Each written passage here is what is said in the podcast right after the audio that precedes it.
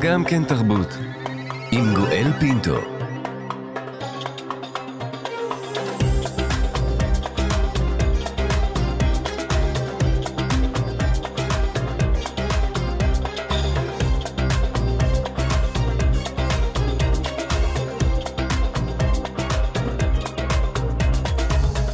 שלום שלום אה, לכולכם, אנחנו כאן, גם כן תרבות, מגזין התרבות של ישראל, בשבוע החמישה עשר למלחמת שבעה באוקטובר, מנסים להשיג נחמה, להתאחד, להרגיש יחד בימים הקשים שעוברים על כולנו.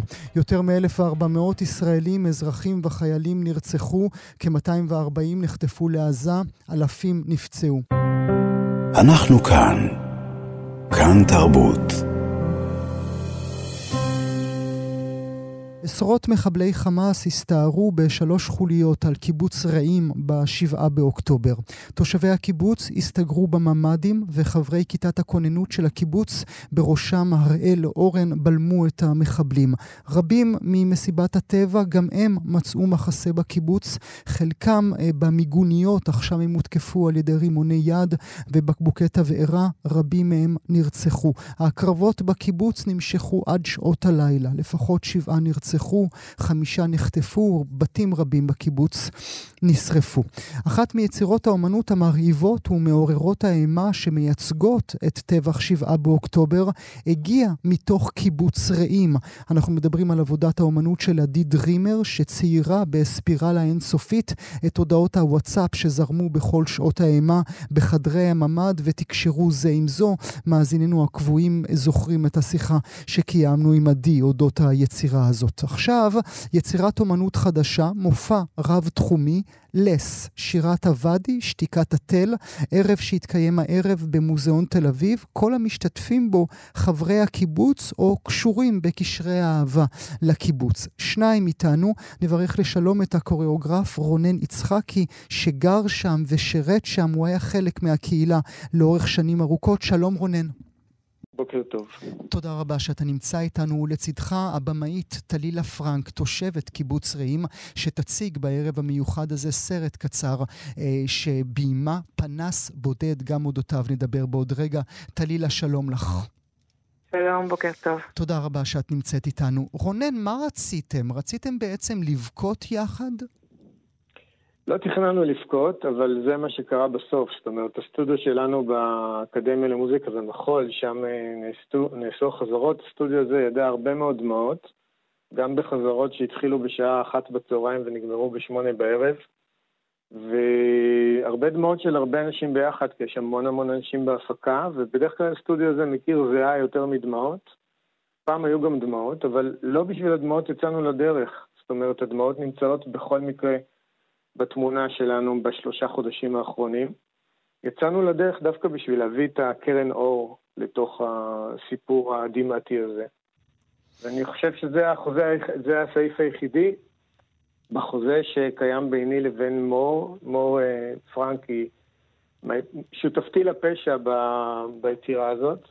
ו- ו- ובדרך כלל עושים חוזים מאוד ארוכים בין אה, שני יוצרים, הפעם היה סעיף אחד בחוזה, והחוזה היה קשור בקרן האור שאנחנו מביאים לפה. מי הם, זה כבר, הערב הזה הוצג כבר uh, בירושלים, יוצג כאמור היום במוזיאון תל אביב. מי הם היושבים בקהל?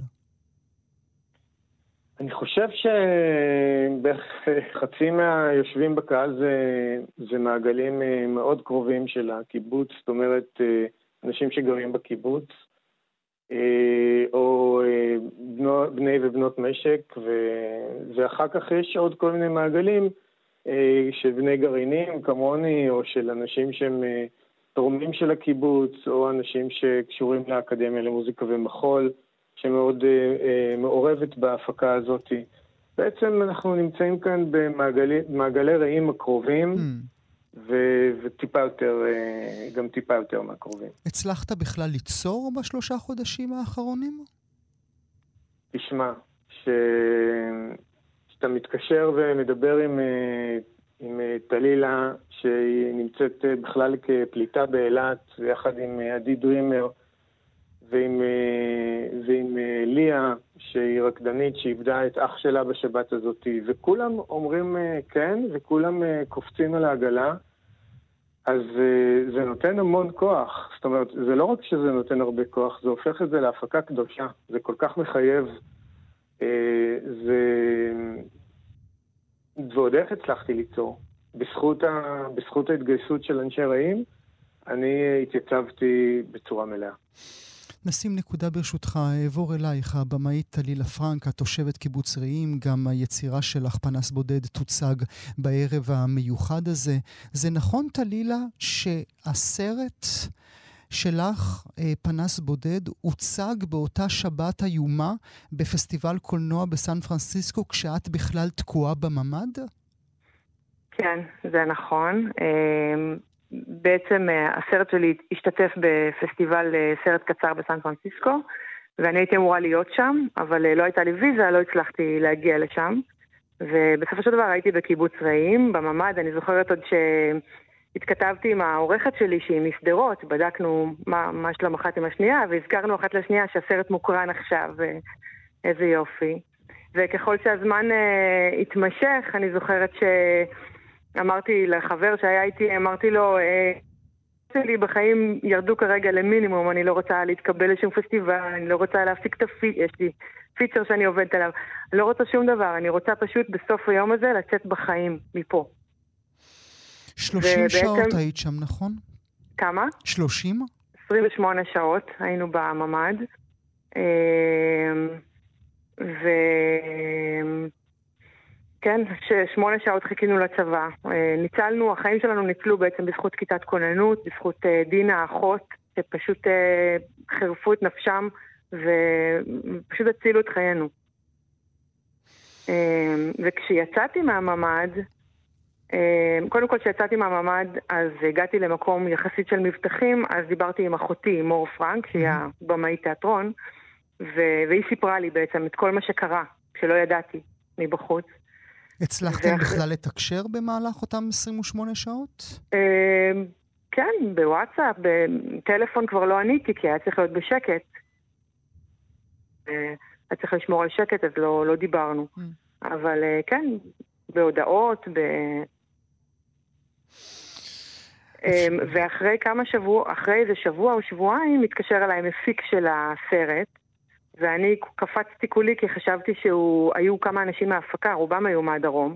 היו אנשים שלא ענו לי ומאוד דאגתי להם, מנחל עוז, מכל מיני מקומות, אה, ופחדתי שהוא מתקשר לבשר לי דברים שלא רציתי לשמוע, כי לא נכנסתי לרשימות של האנשים mm-hmm. להכיל כל כך הרבה. ואז הוא אמר לי, לא ראית את ה... הוא אמר לי, זה וזה בסדר, זאת וזאת בסדר, ולא ראית ששלחתי לך מייל, הסרט שלך זכה. ואז הסתבר לי שהסרט שהוקרן ב-7 לאוקטובר, באותו תאריך ארור שבו הקיבוץ שלי הוחרב ואנשים יקרים נרצחו. באותו, באותו שעה אנשים ראו את הסרט, אהבו אותו וגם העניקו לו את הפרס הראשון בתחרות הדרמה של אה, סרט קצר הזר הטוב ביותר של הפסטיבל. איזה עולם, איזה חיים. אפשר בכלל, אה, טלילה, להירפא משעות הממ"ד האלה? אמ, אני לא יודעת. אני, אני עצמי תרפיסטית בדרמה, mm-hmm. אז uh, אני חושבת שתמיד אפשר, תמיד יש, יש, תמיד אפשר לתקן ותמיד אפשר להתקדם. Uh, הטרגדיות שאני חשופה אליהן uh, הן בלתי נגמרות. Uh, אני יודעת ש... קודם כל, שרונן התקשר אליי ושאל אותי אם אני אוכל אה, לחשוב על משהו אומנותי שקשור לשבת הזאת, זה רק עצם הפנייה שלו mm-hmm. כבר עשתה לי איזשהו ליטוף בלב, okay. אוקיי. איזשהו... אה, המחשבה הזאת שאפשר רגע לקחת אה, נשימה ולקחת איזושהי נקודת מבט ולהסתכל על זה מהצד, עזרה לי. וצריך אה, להגיד למאזינות והמאזינים, אה, הסרט היפה, הסרט הקצר שאת מציגה בערב הזה, הייתה לי הזכות גם לצפות בו, פנס אה, בודד, צולם שם, בקיבוץ היפה שלך, שעכשיו, כמו שאמרת, חרב לגמרי. כן, אני רק אציין שהסרט הזה נעשה בתמיכה של קרן קולנוע נגב. והוא צולם ברעים לפני השבת השחורה כמובן. כמובן. ויש בו, השוט סיום שלו, לא יודעת אם אתה זוכר, הוא, יש שוט כזה של רחפן שמתרחק mm-hmm. ויש אוטו שיוצא מהקיבוץ. Mm-hmm. mm-hmm. והוא מראה את ה... בעצם דרך כזאת, הדרך מרעים לאורים, שרואים ברקע את הוואדי. שתמיד כשאני נוסעת שם עם הבן שלי, אני אומרת לו שזה הנוף הכי יפה בעולם. כמו הנסיך הקטן, mm-hmm. מהו הנוף הכי יפה בעולם? Mm-hmm. אומרת לו, זה הנוף הכי יפה בעולם. ולראות את זה אחרי השביעי באוקטובר, ולדעת שהדרך הזאת הייתה שדה קטל, אה, זה קשה. אה, ומצד שני, העובדה ש... לא יודעת, העובדה שהסרט הזה הוקרן ונגע במישהו mm. ויוקרן גם היום. Mm. אמ, ושליה, ליה, עם כל מה שהיא עברה, מה שקרה לאח שלה, אה, היא תרקוד בערב הזה. זה משהו שהוא מבחינתי, הוא כן, אז יש, אם, אם היא יכולה לרקוד, אז אני יכולה גם להתגבר על כל הקשיים. שאני עוברת. אני כל כך מצטער, טלילה. אני כל כך uh, מצטער. אולי נצחק קצת ואני אשאל אותך מה רע בשלמה ארצי? את הבדיחה את מבינה. אלתרמן הוא לא. אלתרמן הוא לא. זה דיאלוג נפלא מתוך הסרט, מאזינות ומאזינים. הם מככבים שם יעל עמית ואלי גורנשטיין, יש שם סצנת ריקוד יפהפייה. תדמיינו לה לה לנד בכיכובם של בני הדור השלישי. וואו. זה נורא נורא יפה. ואחד הדיאלוגים המצחיקים שם זה מה רע בשלמה ארצי, אלתרמן אה, הוא לא. נשים נקודה. סליחה, שלמה ארצי. לא, אנחנו אוהבים אותך, שלמה, אנחנו... אני רוצה לשים נקודה אה, ברשותך, ואני רוצה לחזור אליך, אה, רונן יצחקי. כל היצירות, אה, ודיברנו אודות היצירה הנפלאה של עדי דרימר, גם אותה ראיינו כאן בתוכנית. אנחנו מדברים עכשיו עם טלילה עצמה, ובכלל יצירות שנולדות מתוך כל אותם אזורים גיאוגרפיים שבאמת מילאו את הלב שלנו בחודשים האחרונים. אבל מה ייוולד אחרי בעיניך, רונן? מה יעשו אה, כל היוצרות והיוצרים בראי שבעה באוקטובר בשנים הקרובות? מאוד מעניין, אתה יודע, אה, יש לי חברה שהיא מבוגרת יותר ממני, והיא הייתה חיילת במלחמת אה, יום הכיפורים. ואמרתי לה, הדור שלנו, כן, אני בן 51, אה, הדור שלנו לא, לא יודע מה זה מלחמה כזאת, הוא לא מכיר את זה. ומעניין אותי לשמוע ממך איך היו השנים שאחרי מלחמת יום הכיפורים, האם ישרתם, ישר חזרתם לריב עם זה, זה עם זה, כמו שרבנו לפני המלחמה הזאתי? או שהיו שנים של חסד. והיא אמרה שהתשובה השנייה היא נכונה. אחרי מלחמת יום הכיפורים היו כמה שנים של חסד והחברה הישראלית אה, הפסיקה את ה... יצאה להפסקה של כמה שנים מהסכסוך שהיה לפני המלחמה. ואני חושב ש... אני, אני רואה, כן, בפנייה אה, שלנו עכשיו, לכל מי שפנינו אליו, נכונות עצומה להניח דברים בצד ולהתחבר לחמ"ל של אה, סולידריות יצירתית. ו... ואני מאוד מקווה שזה מה ש... שיקרה בסצנה של ה... אני, אני קשור לסצנה של המחול, אבל לסצנה של התרבות בכלל. בכלל. כן. הערב הזה, או ההקמה של הערב הזה, או העבודה על הערב הזה, החזירה אותך 30 שנים אחורה, כשהיית בגרעין נחל ברעים? כן, אתה יודע, זה שנים סופר מעצבות ל, לילד בן 18 שהוא מגיע מהעיר, הוא מגיע לקיבוץ, והוא, ואני חושב שהערך הכי גדול ש, ש, שספגתי מה, מהתקופה הזאת בקיבוץ זה אהבת האדמה. אהבת האדמה ולהבין מה זה מחזור זרעים, ומה זה גשם, ומה הקשר בין השמיים לאדמה. וה, ולכן גם בחרנו את השם לס, לס זאת אדמה אה, מצד אחד סופר פוריה ומצוינת לחקלאות, מצד שני זאת אדמה דרמטית כזאת, שיודעת אה, לייצר בולענים וחתכים כאלה. ו... וזה הדבר המרכזי שנשאר איתי מהקיבוץ. אני חושב שבזכות זה גם הקיבוץ יחזור להיות כמו שהוא, mm. כן? וה... והשיטה, אה, וה... וה... והחיטה צומחת שוב, כן? ואת, זה, ואת כל זה אתה אומר, רונן, אחרי שאנחנו, אחרי שנים ארוכות שבהם הציבוריות הישראלית הרשתה להיכנס, להעליב, להשפיל את כל בני הקיבוצים כאילו מדובר בדמונים. נורא. עברנו תקופה נוראה. אני מאוד מקווה, כולנו, אני חושב שכולנו מתפללים שהתקופה הזאת מאחורינו. אני חושב שרוב החברה הישראלית נמצאת בתפילה הזאת.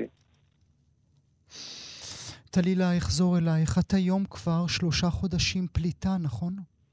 כן. בלי בית, בלי מיטה, בלי כרית? אמ, אנחנו היינו במלון באילת שלושה חודשים, ואנחנו לפני כמה שבועות עברנו לתל אביב.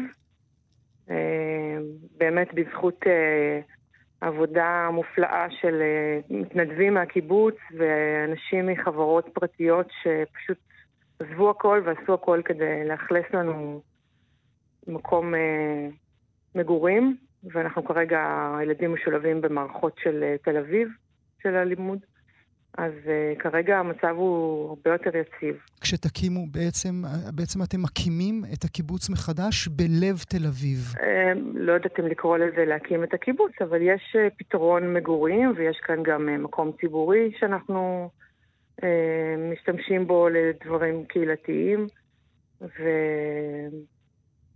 אז מבחינה הזאת אה, המצב הוא יותר טוב. את רוצה לחזור לרעים? את מדמיינת את עצמך שוב בבית? אני כרגע לא מדמיינת את אני לא מדמיינת אה, את עצמי בבית. לא ישתנה משהו מאוד מאוד אקוטי וגם אני רוצה להתייחס לעניין הזה ש... שרונן אמר של מתפללים, אני חושבת שאנחנו עברנו את שלב ה... זאת אומרת, זה לא, העניין פה שיהיה טוב הוא לא תפילה, אנחנו הופקרנו. אנחנו הופקרנו הרבה הרבה שנים, לא רק בשבת הזאת, בשבת הזאת זה הגיע לשיא, אבל האזור שלנו הופקר mm-hmm. שנים ארוכות. Mm-hmm. טפטופים ו... אמרו לכם. ו... ואנחנו צריכים לשנות את הנרטיב ול, ולשנות את, ה, את ההנהגה, את מה שקורה מלמעלה, ותפילה פה לא תעזור. הפקירו אותנו. הפקירו אותנו. רונן, זה קצת עומד בניגוד לדברים שלך שהם אה, באזורי הביחד נס, נכון? אני לא, אה, לא יודע אם זה בניגוד. אני חושב ש... שאנחנו עובדים ביחד ויש לנו אה, אה, אפשרות לעשות טוב. ברור שטלילה צודקת, זה, זה אכן הופקר. השאלה לאן זה הולך מכאן, לאן אנחנו לוקחים את זה מכאן, כולל כל הדברים שטלילה הזכירה ועוד. הפקירו לא רק אותנו, הפקירו גם את אופקים ואת שדרות ואת אשקלון, את האזרחים. סליחה. נכון, זה תיקון מאוד חשוב. זה כל, בעצם כל הדרום. כל הדרום. זה... והייתה מסיבה של המרכז בשוליים, ו... ו... ובתוך הסיפור הזה הלכו אה, ונפגעו אה, אנשים שהם אה, חרדים ודתיים וחילונים ומכל ה... מכל הזהויות. כולנו נפגענו בשבת הזאת. ואולי השאלה בדיוק כמו שאמרת, רונן, מה מכאן אה, והלאה? אני רוצה לומר שוב, מאזינות ומאזינים, רונן כבר הזהיר אותנו שאין כרטיסים לערב הזה, אבל נקווה שהוא עוד ימשיך וימשיך. שמו לס. שירת הוואדי, שתיקת התל, רונן יצחקי וטלילה פרנק, תודה לשניכם שהייתם איתי הבוקר. תודה רבה, גואל. תודה רבה. אנחנו כאן. כאן תרבות. השבוע שחרר ארגון הטרור חמאס שני סרטונים בהם נראים שלושה חטופים ישראלים שנמצאים בעזה. את שני הסרטונים לא ראיתם בטלוויזיה, גם uh, רשתות הרדיו לא תיארו את מה שמופיע בסרטונים, גם לא אנחנו כאן בתוכנית, אלא רק ציינו שהם פורסמו ושהמערכות החליטו לא לשדרם, מתוך כוונה לא לשתף פעולה עם הלוחמה הפסיכולוגית של ארגון הטרור.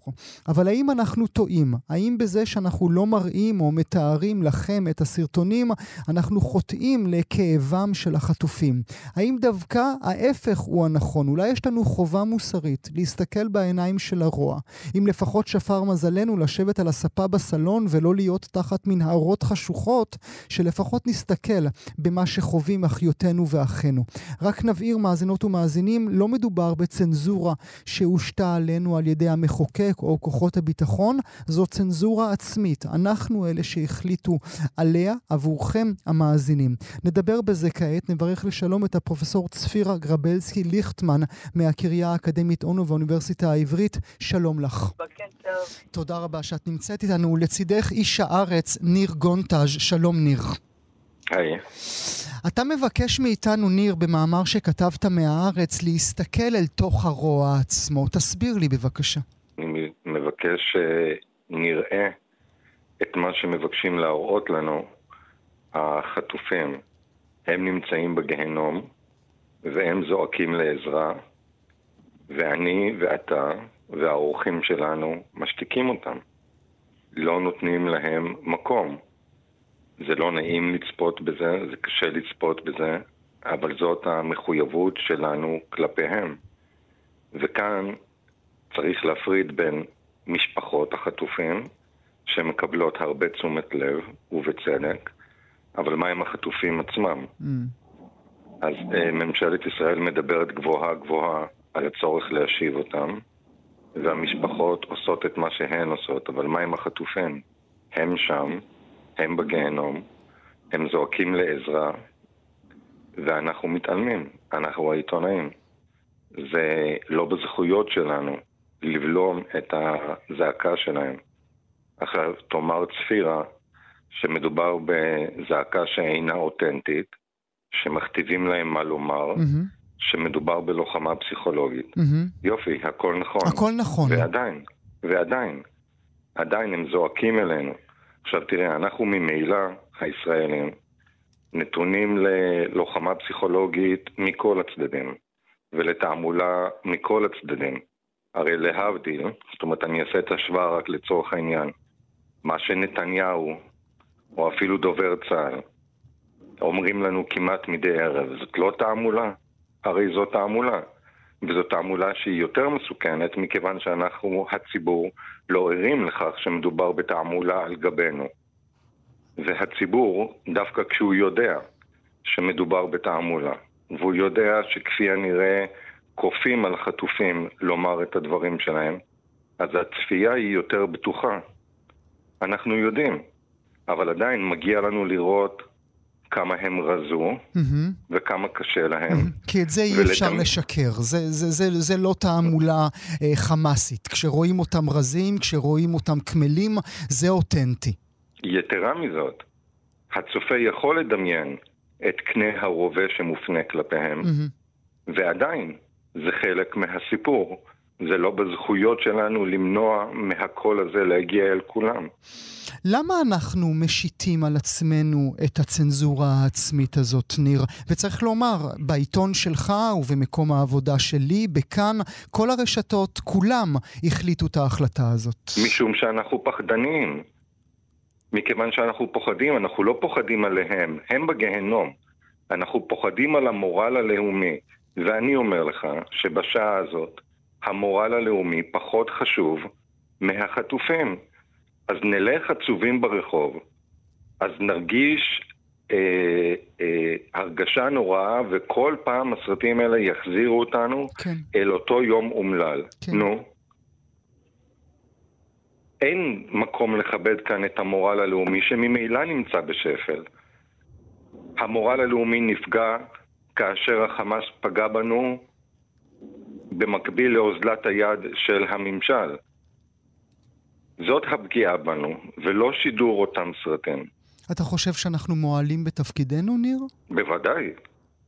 בוודאי, הרי כל עיתונאי שמשית על עצמו צנזורה פנימית, מועל בתפקיד שלו. מה התכלית?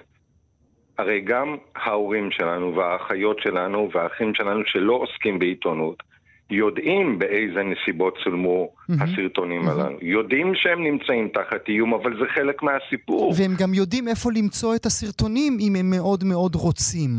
וזאת סכנה שנייה, מכיוון ששדר חדשות, מגיש חדשות, יכול לפני שהוא מקרין חלקים מהסרטון, לא את כולו, להזכיר, להזכיר שמדובר בכפייה על החטוף לומר את הדברים שהוא אומר.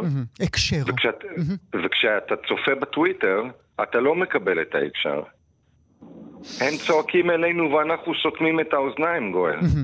מה קרה באמצע אוקטובר בעיניך, ניר? כי אני מזכיר לכם, מאזינות ומאזינים, כן ראינו סרטון אחד. ראינו סרטון אחד של מי אשם באמצע חודש אוקטובר, אה, כאשר היא דיברה אלינו, היא אותה בחורה צעירה בת 21 משוהם, בעלת האזרחות הישראלית, הצרפתית, הכפולה. למה את זה ראינו ואת כל האחרים מאז לא ראינו? כי אנחנו פחדנים, היה אינסטינקט ראשוני בריא להקרין את הדברים, ואז בהלה גדולה.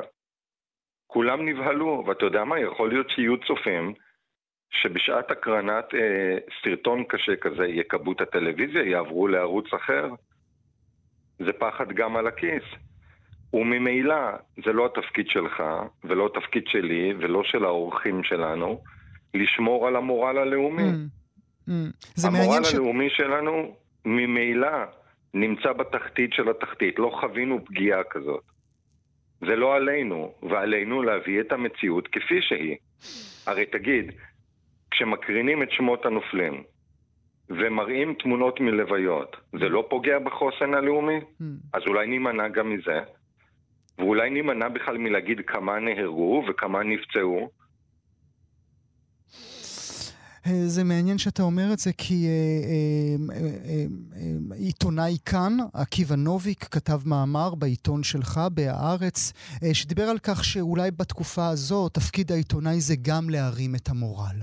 נו יופי, ניסינו העיתונאים, כן, אה, אבותינו, כן, הדור שקדם לנו, להרים את המורל ערב מלחמת יום כיפור. וכתבנו שהמצב נהדר, ושהבסנו את כולם בששת הימים.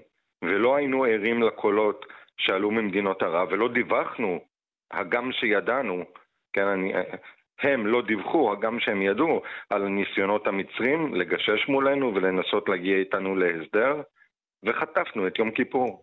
זה לא התפקיד שלנו. נשים אה, נקודה ברשותך, אה, ניר, אעבור אלייך, פרופסור צפירה גרבלסקי ליכטמן מהקריה האקדמית אונו והאוניברסיטה העברית. את לא חולקת על ניר, נדמה לי, בדברים שתאמרי לנו, אבל את אומרת שההחלטה בסיכומו של דבר היא החלטה נכונה. אז אה, במחקר מאוד מאוד גדול ש... שערכנו, באמת ניתחנו קלטות של חטופים, וזה באמת ז'אנר שאנחנו מכירים אותו מכל העולם. זה לא משהו שהוא מיוחד אה, לחמאס ולא מיוחד לישראל. אבל זה אמצעי אה, ש...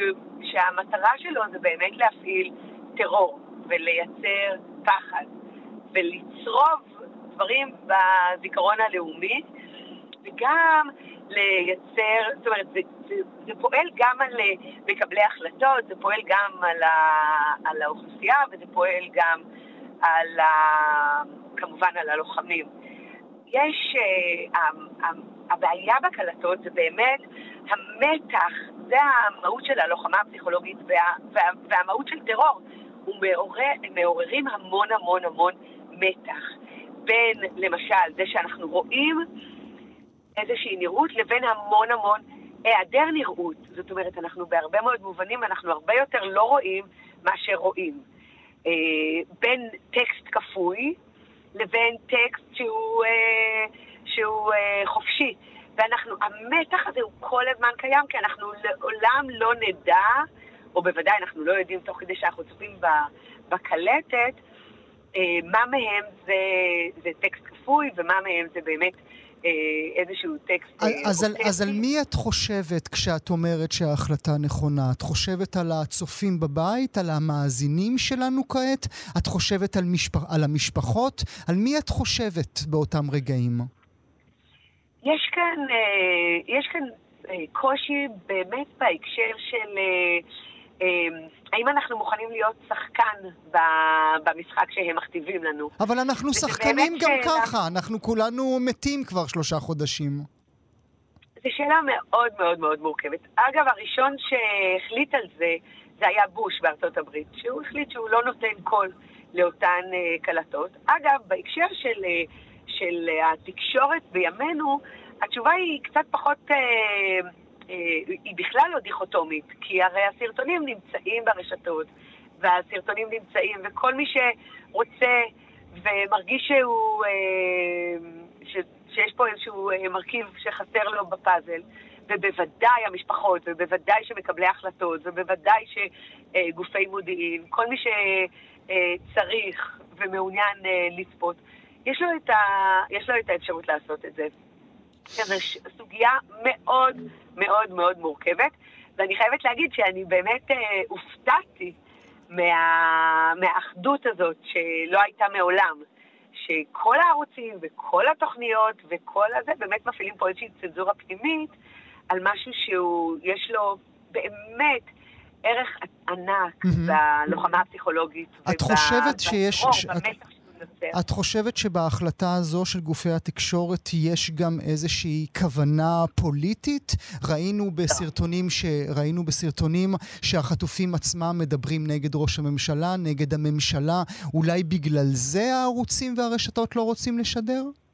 לא, לא. יש פה מתח באמת בין איזושהי אה, תפיסה פרופסיונלית של העיתונות. סליחה שאני מתפרץ לדברים. בוודאי שיש כאן כוונה מדינית. הכוונה המדינית היא לאפשר לצה"ל להמשיך לפעול שם, ותוך כדי, מצער לומר, גם להרוג מדי פעם את החטופים. כן, ברור שיש כאן כוונה, הרי השלטון הישראלי, וזה לא משנה, זה, זה, זה אומנם לא פוליטי, כן, זה מדיני, לא משנה אם זה גנץ, אייזנקוט, גלנט או נתניהו, רוצים להמשיך לפעול שם. וכשאנחנו נראה את הסבל הזה, ואנחנו מדי יום נתעורר על השביעי באוקטובר, ייתכן שהציבור לא ייתן לזה להימשך. ייתכן שהציבור יאמר עד כאן, החטופים קודם כל. ברור שיש כאן כוונה מדינית, יש כאן אחדות בין כלי התקשורת, העורכים הראשיים, לבין השלטון. שקט, תנו לנו לעבוד, עזבו רגע את החטופים, תחלקו דיסקיות ותחלקו סרטים צהובים ותנו לנו לעבוד. אתה חושב על המשפחות כשאתה אומר את הדברים שלך, ניר? מה עם המשפחות שלא רוצים? לא רוצים, הם לא לך, רוצים שתראה אבל, את תראה, הילדים שלהם ככה. אבל תראה רגע, החטופים במידה מסוימת הם חסרי ישע כעת, אוקיי? ואני מעדיף אותם על פני המשפחות. הרי תדמיין, לא, לא, כן? אבל ניר, חוקית לא. מה שאתה אומר לא מחזיק מים, הרי אנחנו מכירים... חוקית, ומומח... הורה ומומחית... לבגיר, סלח לי, הורה לבגיר לא יכול לקבל לא, החלטות לגבי יש, הבגיר. יש, יש, גם, יש גם חוקי פרטיות, מומחים לפרטיות כמו הפרופסור מיכאל ברנק יאמרו לך שאפילו תמונות שלהם ללא אישורם אסור לפרסם בציבור. גואל, הרי זה מגוחך ברמות העל. אתה לא יכול לקבל מהם כרגע הסכמה לשום דבר. ואין עוררין על כך ששידור הדברים משרת את המטרה העליונה של החטוף, והיא לחזור הביתה. בוודאי שזה משרת את המטרה לחזור הביתה. ברור שזה מחזק אה, אה, אה, את העובדה, ברור שזה משרת בשורה התחתונה את החטופים. תנו לנו לראות אותם, הם מדברים אלינו. Mm. אתה מרשה לי רגע אה, לפתוח אה, צוהר אישי ביני לבינך, ניר? נו, בוודאי. הרי אה, כולנו מכירים את סיפור הגבורה שלך עם הבן שלך, אמיר, אה, ביום שבעה באוקטובר, אה, במהלך הטבח, במסיבת הטבע ליד רעים. עשית הכל, הפעלת את כולם, יאיר גולן, כולם היו שם בשביל הבן שלך. אתה היית משפחה באותו רגע. אולי אתה כמשפחה היית אומר, חברים, אני לא רוצה שכולם ידעו את הסיפור הזה, אני לא רוצה שכולם ייכנסו אל תוך התחתונים שלי. ראשית, זו לא בחירה שלי. זו בחירה של הבן שלי. ואגב, בסוגריים, הגבורה היא שלו ושל יאיר גולן שחילץ אותו, ובטח לא שלי. אבל שוב, מדובר כאן בבגירים, אבל אנחנו יודעים, הרי אני ואתה יודעים, שאם, אתה יודע מה, בוא, בוא, בוא, בוא, בוא נלך צעד אחד קדימה. אם היה ערוץ שהיה משדר ללא הרף את אותם סרטונים, ברור שזה היה מדרבן את הציבור הישראלי שהיה נתון בסבל גדול לפעול למען שחרורם. אתה חושב שכשהם רעבים ומותקפים ומאוימים, אתה חושב שמה שמעניין אותם באותו שלב זה הפרטיות שלהם? הרי הם רוצים לחזור הביתה, זאת מטרת העל. הם רוצים את אימא. לחזור הביתה. ואנחנו סותמים להם את הפה ועוצמים את העיניים. ומחלקים את המרצ'נדייז הזה וחושבים שזה מה שיוציא אותם, זה לא מוציא אותם. עם כל הכבוד לכל המיצגים, ועם כל הכבוד לאמירות החלולות של המדינאים, כעובדה, הם לא כאן, הם בגהנום. כשאתה בגהנום, הדבר האחרון שמעניין אותך זו הפרטיות שלך. תמכור את הפרטיות שלך, אני בטוח, על מנת לחזור הביתה. בוא נשים אה, נקודה. אולי מילה לסיום שלך, הפרופסור צפירה גרבלסקי אה, ליכטמן. כאשר אנחנו עומדים מול החלטה אה, כזאת, אנחנו כלי תקשורת, אנחנו עיתונאים, אנחנו כותבים, אנחנו אה, מגישים, מהי בעצם הדילמה שעומדת מולנו? מה מול מה? אותו רצון לחטוף להישמע, כמו שניר אומר לנו, לבין האתוס הלאומי? יש פה באמת את הדילמה בין הפרופסיונליות של, ה, של העיתונאים, של באמת זכות הציבור לדעת, ובאמת התפקיד של העיתונות לתת את התמונה המלאה, לבין איזושהי אה, תפיסה של אה, אה, לאומית, ערכית, חברתית, ביחס למשמעות. בלוחמה הפסיכולוגית של אותן קלטות, וברצון של העיתונות להיות זאת שקובעת את האג'נדה, ולא להיות אה, כלי משחק בידי אה, ארגון הטרור. זו שאלה שהיא באמת מאוד מאוד מאוד מאוד מאוד מאוד מורכבת. אנחנו נשים נקודה ונודה לשניכם על השיחה הזו. ניר גונטאז' והפרופסור צפירה גרבלסקי ליכטמן, תודה שהייתם איתי הבוקר. תודה. תודה רבה. אנחנו כאן. כאן תרבות. סוד גלוי הוא שבסצנת הג'אז העולמית לישראל ולמוסיקאים שלה שמור כיסא של כבוד. הוכחה נוספת לכך היא הבחירה של העיתון הבריטי הגרדיאן ב-Different Eyes, האלבום השלישי של הפסנתרן והמלחין הישראלי אוריאל הרמן, כאחד מאלבומי הג'אז הטובים של שנת 2023. והם צודקים כי זה באמת אלבום מסחרר שאי אפשר להפסיק להאזין לו. תשמעו למשל את הטרק הזה שקוראים לו ג'רוזלם.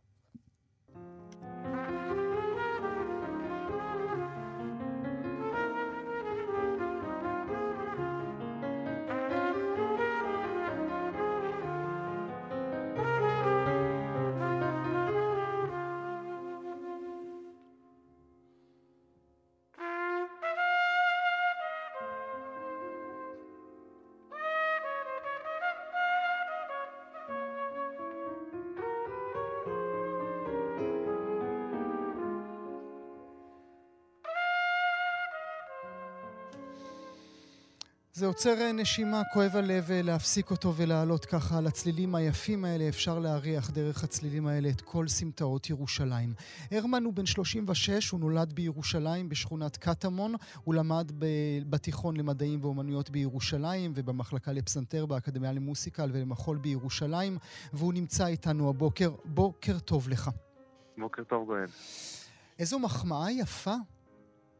אה, ממש, ממש כיף, בטח בתקופה כזאת, לקבל, אה, לקבל מילים כאלה מרימות. על התקופה עוד נדבר בעוד רגע, אבל אמור לי, זה ג'אז בכלל? אני חושב שכן, במובן הזה שג'אז בעצם זה, בעיניים שלי, זה היכולת להתבטא בצורה ספונטנית. לאבד את עצמך ברגע, ברגע ש, שהכל קורה, ו, ואנחנו מאוד עשינו את זה באלבום הזה, ועם הלהקה שלי בכלל, וזו הדרך שאנחנו עושים. מביאים רעיונות לקבוצה, ואז בעצם על הבמה, או במקרה הזה באולפן, כל אחד פשוט מנסה להביא את מה שהוא מרגיש עכשיו, בנוגע ליצירה בצורה הטובה ביותר והספונטנית ביותר. אז אומנות האלתור, אומנות הרגע מאוד קיימת שם. עד, ולכן, כ- כן. עד כמה רצית שירושלים תהיה בצלילים? כי היא צורחת משם. נכון. האמת שהאלבום כולו הוקלט ב- בירושלים, וזה אחרי ש...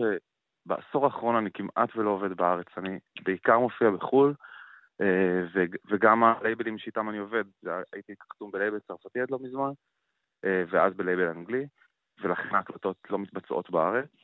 אה, וברגע שחזרתי לירושלים, שזאת העיר שנולדתי בה, אז מיד זיכרונות ו... וגעגועים וכמיהה למה שנקרא רחובות ילדותי הגיעו, ולכן ירושלים מבחינתי היא תמיד חלק ממני, ובמיוחד באלבום הזה. אוריאל, תספר לי על קטמון של אותם שנים.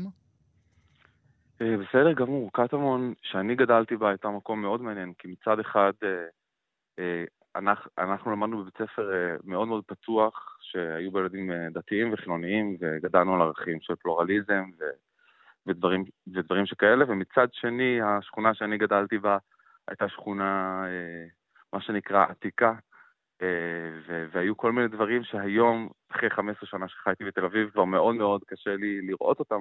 אני בטוח שקטמון השתנתה, אבל לצורך העניין, כמישהו שהוא חלק ממחנה השלום, אני זוכר אה, מקרה ספציפי שחזרתי מיום, אה, מיום רבין, אחד הראשונים שהיו ממש כמה שנים אחרי הרצח, עם חולצה של שלום עכשיו, ואז בדרך עצרו אותי ילדים, והתחילו לריב איתי על החולצה, ותוריד את החולצה, ובסוף השיח הזה שהתחיל בצורה לא נעימה, הפך להיות ממש ממש מוצלח, זאת אומרת, למדתי לדבר עם אנשים שחושבים אחרת ממני ושונים ממני, mm.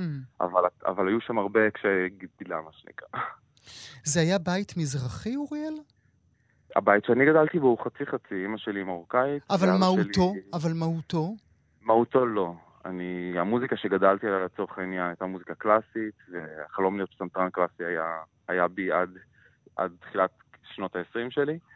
אה, אז גדלתי למוזיקה קלאסית ורוקנרול אמריקאי, מבחינתי ג'ימי הנדריקס, נירוונה, רדיואד, אלה האמנים שגדלתי עליהם, ואת המזרחיות שבי וההתאהבות בזה במוזיקה זה משהו שקורה לי דווקא בשנים האחרונות. Mm, כי, כי אתה יודע שכולנו שומעות ושומעים את המגרב, לפחות בקטע שבו שמענו ולאורך האלבום כולו אה, שהאזנתי לו בלילה. נכון, אני חושב ש, שדבר ראשון בירושלים, אתה לא יכול שלא לספוג את הריחות והצלילים, ו, ואלו הצלילים שאני ספגתי. אה, ובנוסף לזה, בחמש שנים האחרונות אני עובד הרבה עם מוזיקאים טורקים ומוזיקאים מספרד. וה, והכניסה לפלמנקו, וקצת למוזיקה טורקית, וקצת למוזיקה מצרית, כל פעם אתה מקבל לו טעימה ומוסיף בעצם עוד, אה, עוד מילים לאוצר מילים שלך. עולם הג'אז בכלל מוכן לקבל את העולם, העולם הזה, את המוסיקת עולם הזו שנכנסת לתוך השערים של הג'אז? אה, בחוויה שלי מאוד. המושג הזה ג'אז הוא, הוא מתרחב כל הזמן עוד ועוד. יש את הג'אז המסורתי ש, שנשען על ההיסטוריה, ואז באמת מדובר על סגנונות מאוד ספציפיים שהתפתחו במקומות ספציפיים בארצות הברית, ויש מי שמנגן את זה. בעיניים שלי זה כבר הפך להיות קצת מוזיקה קלאסית, כי מאוד ברור איך צריך לנגן את זה, ואיפה צריך לנגן את זה, ואפילו איך להגיב לזה בהופעה. Mm-hmm. ועולם הג'אז, כשהיום אה, אתה מופיע בפסטיבל ג'אז, לא משנה אם באסיה מול 50 אלף איש, או בלונדון מול 200 איש, אתה יכול לראות בליינאפ שמות כל כך מגוונים, מזמרות אפריקאיות עד לנגני מרימבה מברזיל, ו, וכל אחד מביא את המקורות שלו, זאת אומרת, אה, נראה לי שהניסיון הוא להיות כמה שיותר אותנטי למי שאתה בסוף. וכולם שוכנים תחת אותה, תחת אותה כותרת. כן, המושג ג'אז נראה לי בעצם מדבר על כל מוזיקה שיש בה את האלמנט של הספונטניות, הרבה אלתור, ו, וכמובן מוזיקה אינסטרומנטלית uh, מאולתרת. Mm-hmm. יש גם כמובן זמרים וזמרות, אבל הצד הזה של אינסטרומנט, אינסטרומנטליסטים, של נגנים שהם המרכז של הופעה, זה, זה בעצם הג'אז, אני חושב. אה, הזכרת כמובן את העובדה שאתה במשך שנים עובד אה, בחו"ל, תחת לייבלים אה, באירופה, הזכרת 50 אלף איש באסיה. אני רוצה שנשמע מאזינות ומאזינים את הצלילים האלה. זה הטרק האחרון באלבום. טוב, הוא יהיה מוכר לכם.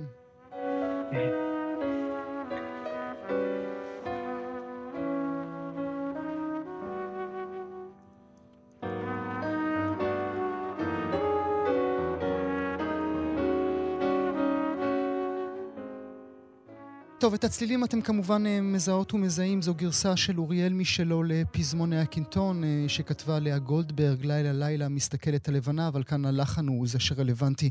רבקה גבילי היא זו שכתבה את הלחן היפהפה הזה. זה בכוונה להביא לעולם את, ה, את, את ישראל באמת? אמ, אני לא חושב ש... שאני באתי עם איזושהי תמה או כוונה מוגדרת, זה משהו שאני משתדל לפעול איתו במוזיקה שלי בכלל, ללכת, דבר ראשון ליצור, ממש להתחבר למה שאתה מרגיש ברגע, ואז אחרי זה אתה פתאום מבין דברים. אז באלבום הזה ועם השיר הזה ספציפית, אה, בעצם בדיעבד הבנתי שהתחלתי בילדות שלי בירושלים.